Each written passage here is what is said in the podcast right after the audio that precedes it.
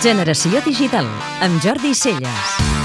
Els sistemes operatius formen part de l'ecosistema a través del qual nosaltres ens relacionem amb els dispositius tecnològics, però són molt més que això. Són el primer portal a través del qual nosaltres ens relacionem amb la xarxa, amb els seus continguts i amb les seves oportunitats de negoci. És per això que les principals empreses de l'economia digital lluiten per imposar el seu sistema al màxim nombre d'aparells possible, i el repte en aquests moments és la capacitat de ser multiplataforma. Apple acaba de presentar el que serà el seu nou sistema operatiu OS 10 Mountain Lion, la que correspondria a la novena generació d'aquest sistema amb una clara voluntat d'ubiquitat. De fet, el nou sistema demostra una clara aproximació dels ordinadors Mac a serveis i programes que fins ara tenien els iPhone o iPad. D'aquesta manera, els usuaris del nou sistema operatiu tindran un centre de notificacions que integrarà les aplicacions, missatges, calendaris o anotacions al mateix temps que incorporarà el centre de jocs per a l'entreteniment digital i una profunda integració amb iCloud.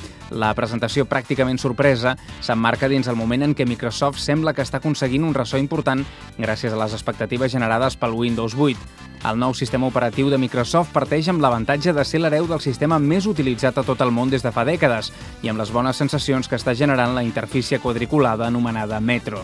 Windows 8 coincideix amb una clara voluntat multiplataforma, adaptant els programes i les dinàmiques de treball per generar els mínims canvis possibles a l'usuari entre el telèfon mòbil, el tablet i l'ordinador. Per acabar d'arrodonir-ho, una filtració ha permès saber les primeres dades sobre el nou sistema operatiu de Google. Es tracta d'Android Jelly Bean, la cinquena versió del sistema Android. No deixa de resultar estrany que es parli del successor de l'actual Ice Cream Sandwich quan aquest encara no està pràcticament instal·lat en lloc. Només s'entén dins d'aquesta lluita per posicionar-se en l'entorn dels sistemes operatius líders al mercat.